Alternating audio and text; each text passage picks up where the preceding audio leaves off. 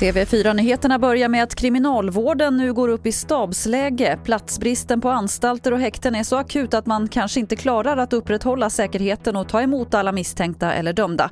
Det här skriver generaldirektören på DN Debatt idag.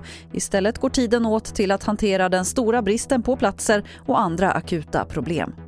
Så till Finland som ju har slopat reserestriktionerna mot Sverige och andra länder.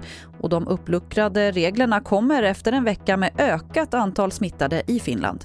Det här är en risk som vi kan ta vid det här skedet av epidemin.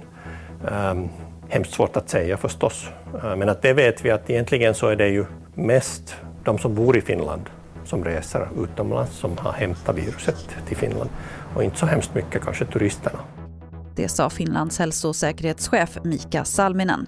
Och till sist kan vi berätta att polisen fick rycka ut till Bollnäs i natt efter att tre killar mellan 16 och 19 år larmat om att de blivit jagade av en man utklädd till clown med en machete.